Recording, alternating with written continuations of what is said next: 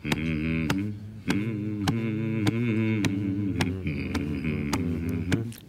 on.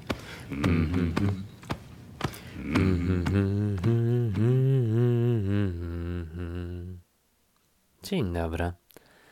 Niecodzienny nagłos, czyli wit czytanie codziennego.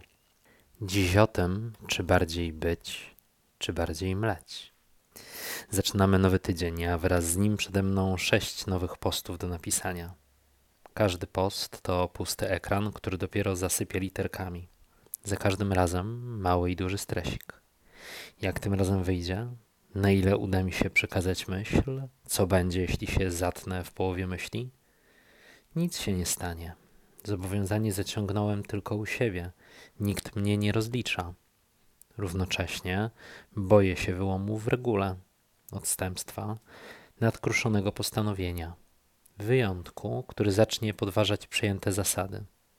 Tym bardziej dobrze jest się pilnować. Są takie chwile w życiu żółwia, kiedy czuje, że powinien podjąć decyzję.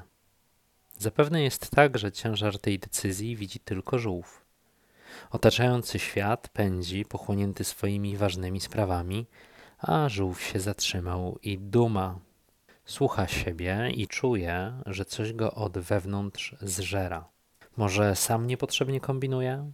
Może to wszystko jest bardzo proste, tylko nie wszystko widać z perspektywy żółwia. Żółw, jak to żółw z każdej bajki, nie lubi pośpiechu. Źle się czuje, będąc raptusem. Żółw duma. W idealnym świecie, w świecie z kart powieści, bajek, baśni, mądre wybory są nagradzane. Przynajmniej zazwyczaj. Od tego są bajki i baśnie, aby nas moralizować. Pokazywać nam, co jest dobre, co szlachetne, co mądre. Przekonywać, że jeśli będziesz człowiekiem prawym, może i będziesz żyć skromnie, ale godnie. Opowieści mają nam ułatwiać podejmowanie decyzji.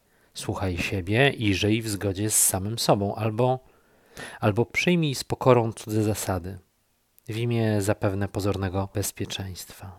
W idealnym świecie ten wybór jest prosty i oczywisty.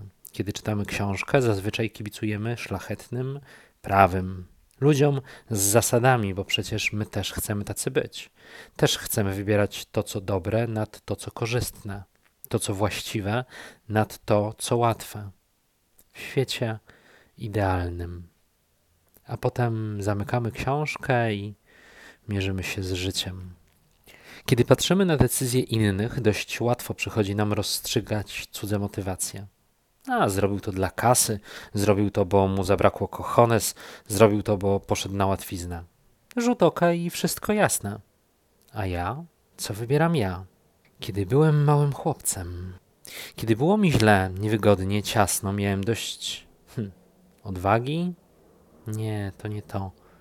Rozsądku? Też chyba nie. Zapewne dumy. Miałem dość dumy, żeby powiedzieć: Potraktujcie mnie poważnie, albo będziemy musieli się rozstać. Jakież było moje zdziwienie, kiedy w odpowiedzi dostałem: No, to chyba będziemy się żegnać. Niezbędna lekcja pokory. Nie wiem, czy pierwsza, na pewno nie ostatnia. Ale kiedy mówisz A, to dobrze jest stawiać kolejne literki alfabetu. Nie jest łatwo rezygnować z marzeń. Nie jest łatwo rezygnować z pracy w miejscu, w którym zawsze chciałem pracować. Nie żałuję tamtej decyzji, jednocześnie, choć od tamtej rozmowy i jej następstw minęło blisko 10 lat, w mojej głowie i w moim sercu wciąż czuję pustkę. No cóż. I z tą pustką nauczyłem się żyć. Dziś, dziś, choć ciasno i niewygodnie, trwam. Ludzie dookoła się zmieniają, a ja trwam. Rzeczywistość wiruje, staje się coraz bardziej chaotyczna, coraz mniej przyjazna, coraz mniej moja, a ja trwam. Mam wrażenie, że skarłowaciałem, wycofałem się, straciłem przekonanie i pewność. Wciąż potrafię perorować, ale cóż z tej retoryki, skoro jedyne co z tego wynika to to, że trwam uparcie i skrycie. Jakieś okoliczności łagodzące? Nie jestem sam. Nie za samego siebie odpowiadam. Nie myślę w perspektywie tego, co dziś i jutro, bo staram się myśleć w perspektywie tego, co za pół roku i za rok.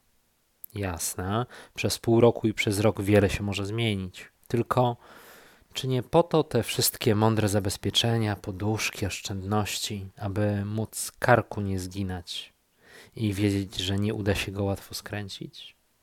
Rzeczywistość nie zaczęła mi zgrzytać wczoraj. Zgrzyta już jakiś czas i od tamtej pory czasem śmielej, czasem, czasem nieco mniej staram się znaleźć nowy przyczółek. I im bardziej szukam, tym bardziej go nie ma. Pewnie źle szukam, albo nie potrafię właściwie oceniać rzeczywistości. W każdym razie to też studzi zapędy, zwłaszcza w kontekście pierwszej przytoczonej okoliczności. Chcę wierzyć, że zacząłem swoją zmianę.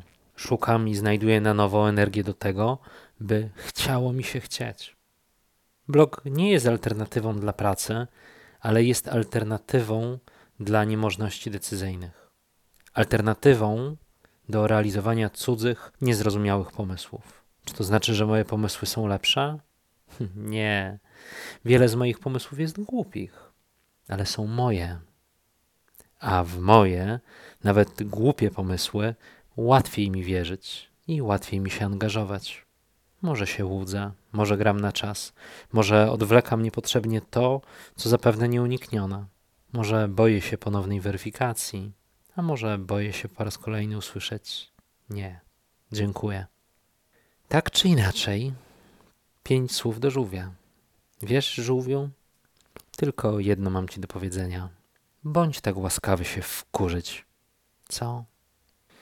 Dziś może nieco ciszej, ale jak zawsze z ogromną, ogromną przyjemnością życzę Ci bardzo dobrego dnia, a kto wie, może i dobrej nocy. Dziękuję, że poświęciłeś mi swój czas. Zachęcam Cię do tego, żeby dzielić się swoją dobrą energią i robić innym ludziom dobry dzień. Bo to wraca, więc możesz to robić z czysto egoistycznych pobudek. Jak zawsze, wpis zamierzam zakończyć mruczeniem, choć dziś mruczenie może nieco spokojniejsze. Mm-hmm. Mm-hmm. Mm-hmm.